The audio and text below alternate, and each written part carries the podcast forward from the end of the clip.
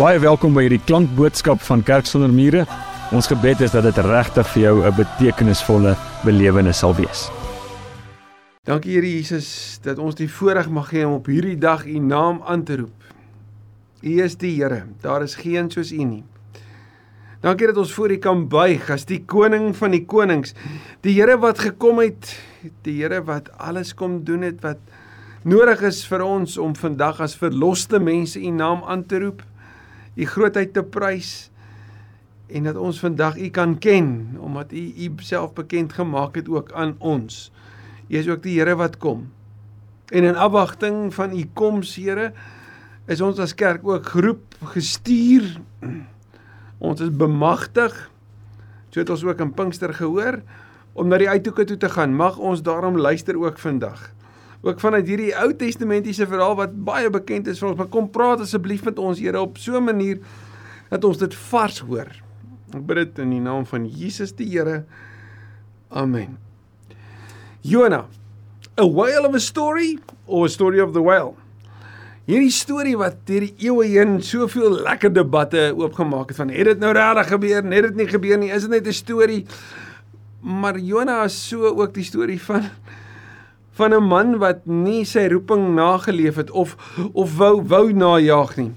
Jonah is so die die die die anti hoofrolspeler in in in 'n storie, nie iemand wat weggehardloop het van die plek wat hy eintlik moes vol staan. Soveel so dat Abraham Maslow 'n uh, 'n kompleks ontwikkel het genaamd the Jonas complex en dit klink as volg en ek lees graag vir ons. The Jonas complex is an invasion of growth, a defense against the calling. If you deliberately plan to be less than you are capable of being, then I warn you that you will be deeply unhappy for the rest of your life. You will be evading your own capacities, your own possibilities. Die die die Jonah kompleks volgens Maslow sal dus wees om nie te wees wat jy kan wees nie. Om nie te bereik wat jy eintlik in staat is om te doen nie. Om nie getrou te wees aan die roeping wat God op jou lewe geplaas het nie. Daai innerlike dryf wat jy het om om te gaan, om die verskil te maak, om om die afdruk te maak wat net jy kan en net jy moet. Die Jonah kompleks. Ja, Jonas verseker 'n karakter waarmee ons so identifiseer en wanneer ons vandag saam deur hierdie boek werk, mag ek en jy in die twee gesprek wat ons voortdurend hoor tussen God en Jona, mag ons ook 'n 'n gesprek hoor tussen ons en die Here. Wat sê hy vir my hierdeur in my lewe? Ek lees graag vir ons vanaf Jona 1 vers 1. Die woord van die Here het tot Jona seun van Amittai gekom. Reg aan die begin hoor ons van hierdie hierdie pa Jona Bar weet Benamita, Jona seun van Amitai. Hierdie pa wat onbekend was. Niemand weet wie hy is nie. Soos jy vandag sou sê ek weet nie, is hy in baie goeie geselskap. So Jona was 'n onbelangrike man want hy was die seun van 'n onbelangrike pa want niemand kan hom eers plot nie. Jona ben Amittai hoor by die Here, maak klaar, gaan na die groot stad Ninive toe en spreek hom aan want ek weet hoe sleg hy is. Jona hoor die woord van die Here kom na hom toe. Nou die woord van die Here het na God se profete toe gekom. Die profete was bitter skaars in daai tyd. En as ek en jy gaan lees na al die profete van die Ou Testament se lewens en se stories, gaan ons hoor dat wanneer die woord van die Here na jou toe kom, dan kom krap dit letterlik jou lewe om. Dit kom sit jou lewe op 'n koers wat dit vir altyd verander. Want jy gaan God se woord spreek en dit gaan nie noodwendig gehoor wil word nie. Dit gaan 'n aanpassing in jou lewe skep. Dit gaan verandering teweegbring. Dit gaan dit moeilik maak en ongemaklik maak vir jou in jou lewe. En so kom die woord van die Here na na na Jona toe en wat sê die Here vir hom? Wat moet hy as profeet gaan doen? Hy moet na die stad Ninive toe gaan. Nou Ninive, ek wil ek en jy ken ken oom Jan se liedjies van Jonah gaan na Ninive toe. Maar maar hoor mooi net wat Jonah se hoor. Jonah was die hoofstad van Assirië en teen die jaar 700 voor Christus was Assirië een van die wêreldmagte gewees. Ninive was waarskynlik die hoofstad van hulle militêre weet hulle militêre mag. So dit was die die die die hoofstad van die grootste vyand van Israel. En God sê gaan na hulle toe. En Jona die boodskap wat jy moet bring is nie saggies nie. Is nie mooi nie, is nie goeie nuus nie. Gaan sê vir hulle ek weet hoe sleg hulle is. Gaan spreek teen hulle, gaan praat teen hulle. Ninive staan vir alles wat gevaarlik is, alles wat moeilik is, alles wat vir Jonas sou uitdag. Ninive is die die plek van vrees, die plek van onsekerheid. As Jonas se hoor gaan na Ninive toe, dan sal alles binne in homself sê, nooit nie, glad nie. Ek sal dit glad nie doen nie. Niemand sal dit wil doen nie. Ek moet heeltemal van my van my trolley af wees indien ek hierdie sou wou gaan doen, want wie wil na Ninive toe gaan? Wie wil na ons vyand toe gaan? Wie wil vir hulle kom sê die Here het my gestuur met 'n boodskap na julle toe? Soms is oop deure in ons lewe juis deure na gevaarlike plekke toe. Soms is die volgende tree wat ons moet gee juis na die ruimtes van Ninive toe. Wat dit vir ons ongemaklik maak want dit gaan uiteindelik nie oor ons nie. Gaan nie oor ons gemak nie. Ninive is op die radarskerm van God en hy wil een van sy kinders gebruik om te gaan praat, te gaan vertel. Wat doen Jonah? Kyk bietjie in hierdie twee, twee gesprek. God sê dit en dan lees ons maar. Maar Jonah het klaar gemaak om na Tarsus toe te vlug, weg van die Here af.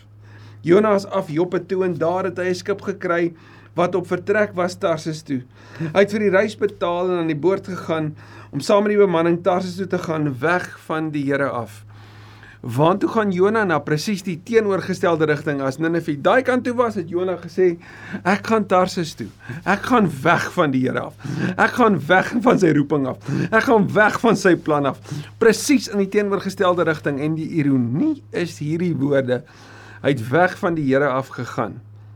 Want dit kan tog nie.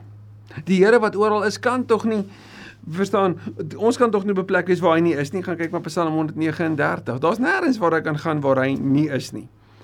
Maar waantoe koop Jona hierdie kaartjie en die feit dat hy as profeet 'n kaartjie kon koop kom sê juis vir jou en my hoe bevoordeelde mens hy was. Iemand anders sou sê when you start confusing prophet with prophet you get into trouble because a prophet with money in his pocket equals trouble. Jonah gaan koop vir hom 'n kaartjie na Tarsus toe want in daardie tyd was daar hierdie stelling gemaak die die die skepe van Tarsus was was die stelling of die beskrywing van rykdom. Want Tarsus was die handelsstad geweest. Dit was die stad met geleenthede. Dit was die stad waar oor handel gedryf is, waar sake gedoen is, waar jy waar jy geld kon maak, profijt kon maak. Dit was 'n plek van gemak geweest. Dit was alsbehalwe waarvoor Ninive gestaan het. So Jona kies om wat oënskynlik vir hom lyk na die veiligste opsie. Na die wegkruipplek. Soos wat die woorde sou sê, weg van die Here af.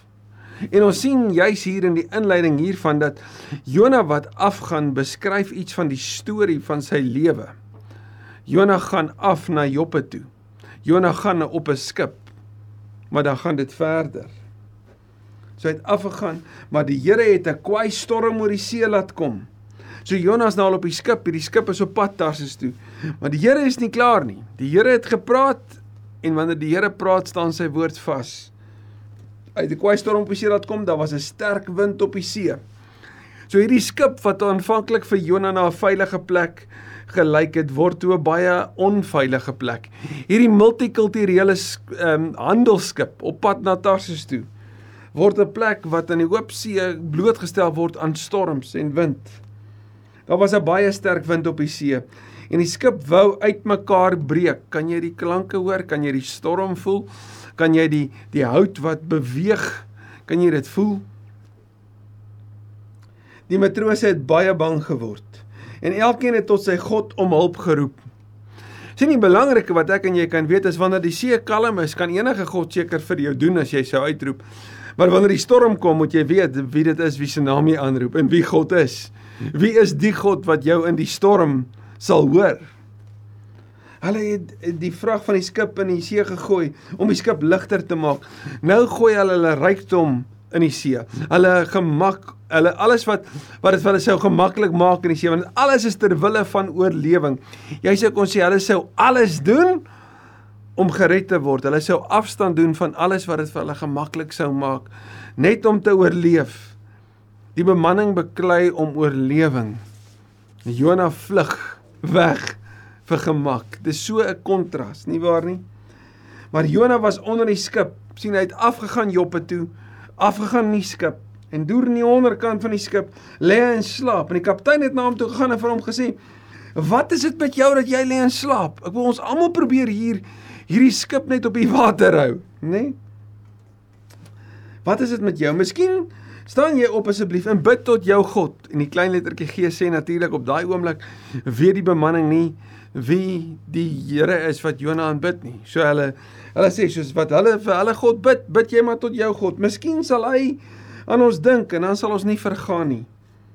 Toe sê die manne vir mekaar: "Kom ons trek loetjies sodat ons kan uitvind oor wie dit is vir die ramp ons tref." Want heel duidelik in 'n wêreld van oorsaak en gevolg moet daar 'n oorsaak wees vir hoekom ons nou in hierdie storm sou wees. Want hulle is vas reg gewees. Wat het gebeur? Ek bedoel hulle is so desperaat vir 'n antwoord vir die krisis dat hulle selfs loetjies trek. Hulle het loetjies getrek en raai wat? Jonas aangewys. Jonas, die een wat wegkruip. Jonas, die nie karakter in hierdie storie, is die een op wie die fokus val. Toe vra hulle vir hom: "Vertel vir ons tog waarom die ramp ons tref. Wat werk jy? Waarvandaan kom jy? Uit watter land en in van watter volk is jy?" En hier op die donkerste oomblik eintlik van skaamte en ongehoorsaamheid, waarin Jonas se ongehoorsaamheid gelei het tot die onveiligheid van die bemanning. Hoe interessant is dit nie dat ons ongehoorsaamheid daartoe kan lei dat dit ander se lewens kan bedreig. Ek praat nie eers van die ewige toekoms en ewige bestemming van ander nie. Maar dat dit selfs hulle hulle fisiese lewe kan bedreig omdat ons ongehoorsaam is, nê? Nee? En nou vra hulle dit vir Jonah en hier sien ons Jonah het nou klaar gevlug. Hy het klaar weggekruip, hy het klaar stil gebly. Dis tyd vir belydenis, dis tyd vir hoe sal die Engelse sê, it's time to come clean. Hoekom is jy hier, Jonah? En hier kom Jonah nou met die waarheid. Jonah het geantwoord, ek is 'n Hebreër. So ek kom van een van hierdie lande wat wat handel dryf, maar ek's 'n Hebreër. En wanneer hy sê ek dien die Here, die God van hemel en aarde wat die see en die vasteland gemaak het, dan gebruik Jonah nie hierdie woord Adonai nie. Hy gebruik nie die woord Elohim nie. Hy gebruik die naam Jahwe. Die naam van God, die naam van ek is, die naam van die een wat hom gestuur het. En hier kom verklaar hy ek dien die Here. En nou ironies is dit nie dat Jonah op hierdie oomblik alsbehalwe diens aan die Here verrig. Want hy kruip weg. Want hy's ongehoorsaam. Hy luister nie. Hy's nie besig om te dien nie en tog verklaar hy hierdeur sy identiteit dat hy 'n dienaar is van die Here. Die manne het baie bang geword en vir Jonah gesê: "Wat het jy nou aangevang?" Want skielik is hulle bewus van die grootheid van die God wat die see gemaak het en die vasteland gemaak het. En wat gaan hulle nou doen? En angs oorval hulle. Angs wat eintlik Ninive se harte moet oorval wanneer hulle hoor dat die Here 'n woord het vir hulle. En daar's dalk 'n 'n vergelyking te maak tussen wat met hierdie multikulturele manne op die op die skip op pad na Tarsus toe wat met hulle gebeur en wat uiteindelik met Ninive sou gebeur. Hulle het te wete gekom dat hy van die Here afvlug en Jonah het vir hulle dit self vertel. So hy het self dit kom erken. Toe vra hulle vir hom: "Wat moet ons maak dat die see net weer kalm kan word?" En dan sê Jonah vir hulle: "Hoorie maar, gooi my in die see." Dis die antwoord. Jonah wat afgegaan het, moet verder afgaan. Hierdie see wat die simbool van die dood is. Gooi my in die see dat ek verder kan afgaan. En dan sal ons sien in die teks as jy verder in in in Jona 1 gaan lees dat hulle alles gedoen het om dit nie waar te maak nie. Ek bedoel hulle teen die see geroei. Hoekom? Want hierdie bemanning wil tog nie dit doen wat teen die wet van van die Here van hemel en aarde is nie. Hulle weet wat reg is en Jona het nie gedoen wat reg is nie. Daarom sal hulle nie eers waag om te doen wat nie reg is deur byvoorbeeld 'n lewe te neem nie. Maar dit help nie. Al hulle eie pogings help nie. Hulle roei dat dit bars, maar dit help nie. En uiteindelik dan kom hulle by die plek om vir Jona in die water te gooi. En dan dan bid hulle vir Jahwe. En 'n skip op pad na Tarsus toe word 'n tempel van aanbidding. En hulle bely en hulle erken en die see word stil. En wanneer Jona begin afsak, afsak, afsak hier in die seewater, die water van die doderyk, dan stuur die Here 'n vis. En ek en jy kan kan daaroor redeneer. Die belangrike is net die Here is nie klaar met Jona nie. Jona se ongehoorsaamheid het gelei tot die bekering van die manne op die op die skip. Maar God is nie klaar met Jona nie. En dan kom sluk die die die die die vis hom in Jesus sê later dat die enigste teken wat ons kry is die teken van Jona in 3 3 dae binne in die in die vis op die bodem van die see word 'n teken van Jesus en die graf en die lewe wat kom. Maar hier sien mooi, sien 'n 'n vis op die bodem van die see is nie so ver dat God nie jou gebed kan hoor nie. En dan word gesê dat daar binne kom Jona tot 'n diepe inkeer. Kom hy tot die besef, Here, ek sal doen wat U van my vra om te doen. En dan begin ons weer met met hoofstuk 3 wat sê die woord van die Here het 'n tweede keer tot Jona gekom. So hier kry Jona 'n tweede kans. Sy ongehoorsaamheid word nie 'n 'n manier of 'n master waarmee hy afgeskryf word nie. Nee, Ninive is op God se radarskerm. En God sê vir hom, Jona, maak klaar. Gaan na die groot stad Ninive toe en spreek hom aan met die boodskap wat ek vir jou sal gee. En dan maak Jona klaar en dan gaan hy na Ninive toe. En dit is dis tragies die toneel hoe dit beskryf word wanneer die vis hom uitspoeg. Die Hebreëus is bietjie meer beskrywend as dit. En kan jy jouself indink hoe sou Jona wees wanneer hy daar op die strand aankom? Hoe sou dit wees wanneer hy as as Judeer baie baie duidelik en sigbaar Hebreër tussen die die die die die ander daar in Ninive tussen die weet ehm um, die Assiriërs as hy daar sou instap, hoe sou hulle hom nie raak sien nie en wat gaan doen hy? Hy gaan sê hierdie kort kort kortste preek van alle tye. Die Here gaan julle straf. Julle moet tot inkeer kom. Dis nog net 40 dae en die Here gaan Ninive verwoes. En en hoe hartseer is dit nie? Dat wat Jonas se verwagting was, naamlik God se straf is toe nie wat God doen nie en hoe dit hom verras het. Aanvanklik verras het. Soveel sodat hy ontevrede is want sien wanneer Ninive die woord van die Here vir hulle hoor en hulle tot bekering kom, tot inkeer kom, dan dan sê die Here en dan hoor hy hulle belydenis en dan sê die Here ek gaan dit nie laat gebeur nie. Ek gaan nie die die ramp oor julle bring nie. Vers 10 sê van hoofstuk 3: Toe God sien wat hulle doen en hoe hulle hulle bekeer van hulle verkeerde dade, het hy afgesien van die ramp wat hy gesê het hy oor hulle sal bring. Hy het nie die ramp gestuur nie. En die tragiese hiervan vers 1 van hoofstuk 4: Hieroor was Jona baie ontevrede. Hy het kwaad geword want ons vyand het, het tot inkeer gekom. Ons vyand is toe nie gestraf nie. Hy het tot die Here gebid en gesê: "Ag Here, ek het geweet, ek het geweet toe ek nog in my land was. Daarom het ek reg van die begin af na Tarsus toe gevlug. Dis so amper van hierdie is die rede vir my ongehoorsaamheid." Dit was natuurlik nie dit nie. Jonah het vrees gehad, nê? Nee? Ek het geweet en hoor mooi, hier is 'n genadige en barmhartige God, lankmoedig en vol liefde. Jy sien maklik af van die straf wat hy aangekondig het. Hier is Eksodus 34 vers 6 wanneer God sê wie hy is vir Moses.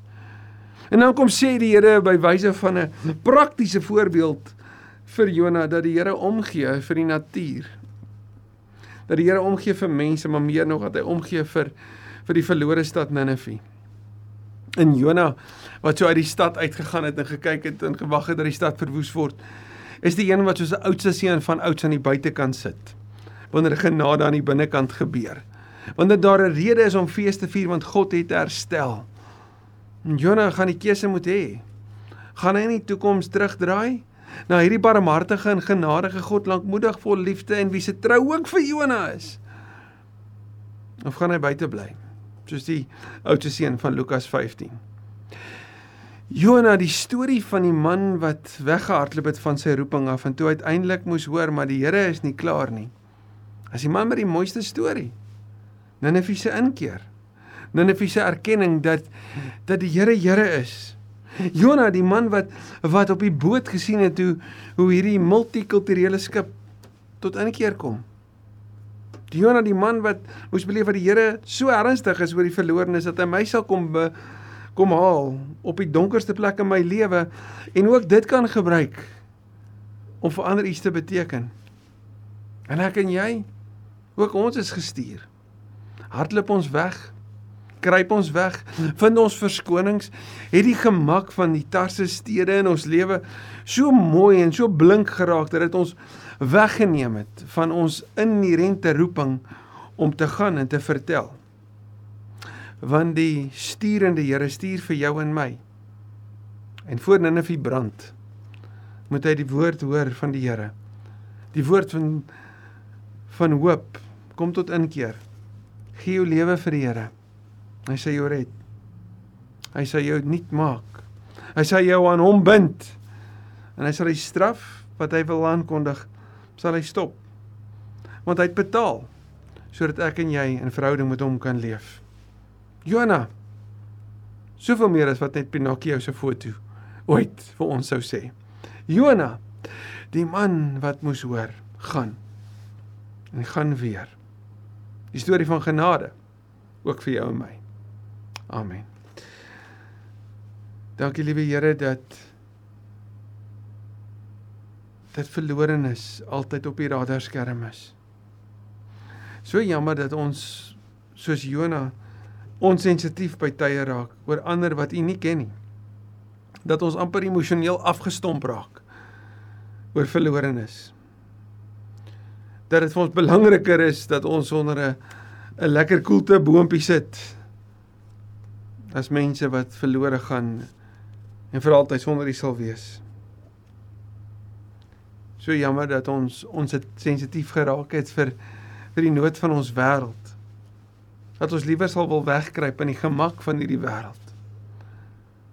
So jammer dat ons Here by tye beleef hoe ander meer toegewyd is as ons. Hulle wil so graag die regte goed doen terwyl ons wat weet wat reg is, stil bly en soms lê en slaap. Maar dankie vir vandag. Dankie vir 'n dag soos vandag. Dankie dat ons soos op 'n dag soos vandag opnuut weer kan hoor gaan. Gaan leef jou roeping. Al maak dit jou bang, al maak dit jou ongemaklik, al skrik dit jou van harte wakker en jy besef waaroor dit gaan. Wees klaar met wegkruip. Wees klaar met verskonings maak. Wees klaar met die blaamskyf op ander. Gaan leef jou roeping. Gaan maak die verskil wat net jy kan maak want ek het jou gestuur. Want die nood van hierdie wêreld is op my radarskerm. Dankie dat ons as gestuurdes kan weet Here Jesus het U wat gebid het en wat gesê het in Matteus dit ook vandag vir ons sê gaan na al die nasies toe maak die mense my volgelinge my disippels doop hulle en leer hulle en onthou ek is met julle al die dae tot die volëinding van die wêreld toe. Amen. Indien hierdie boodskap vir jou iets beteken het, dan wil ek vir jou vra, deel dit asseblief met iemand wat jy ken. En moet asseblief nie vergeet nie, ons sal jou bitter graag wil verwelkom by ons in-persoon eredienste op Sondag. Vir meer inligting oor Kerk sonder mure, is jy baie welkom om ons webtuiste te gaan besoek of ons op sosiale media te volg.